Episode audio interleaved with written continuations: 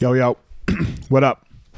I'm gonna steal this one a little bit. I'm gonna steal it from my friend Romulo Barral.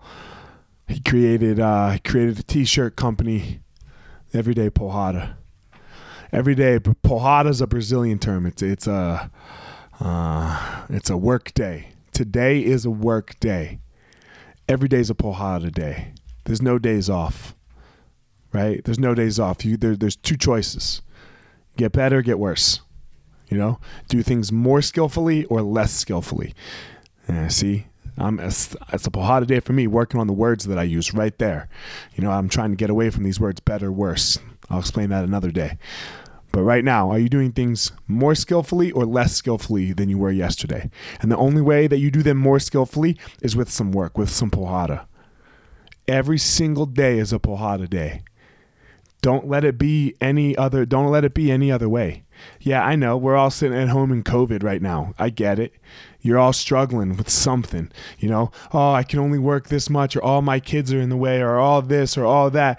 Man, nobody cares. The universe doesn't care. You have to remember this this this period that we're in right now. It's like a it's like a blip in time.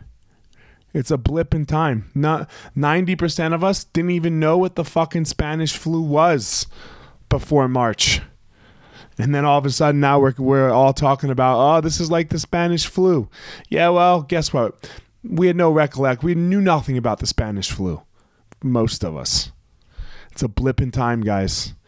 It better be a Porrada day. It better be a day where you gained some skill even if it's just a skill of ideas even if even if you just created an idea even if you had the thoughts going even if it was just you read a book or you read a line or you you watched this on youtube or you learned this you have to have a every day a porrada day. There cannot be anything else.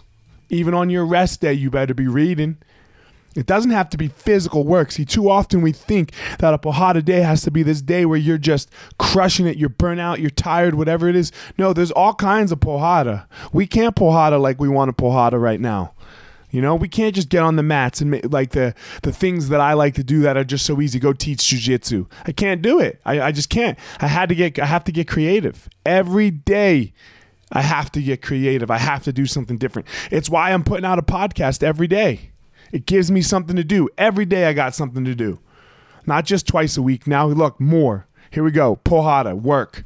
How can I do it better? How can I learn how to audio edit? How can I learn how to video edit better? How can I learn how to make Easton Online better?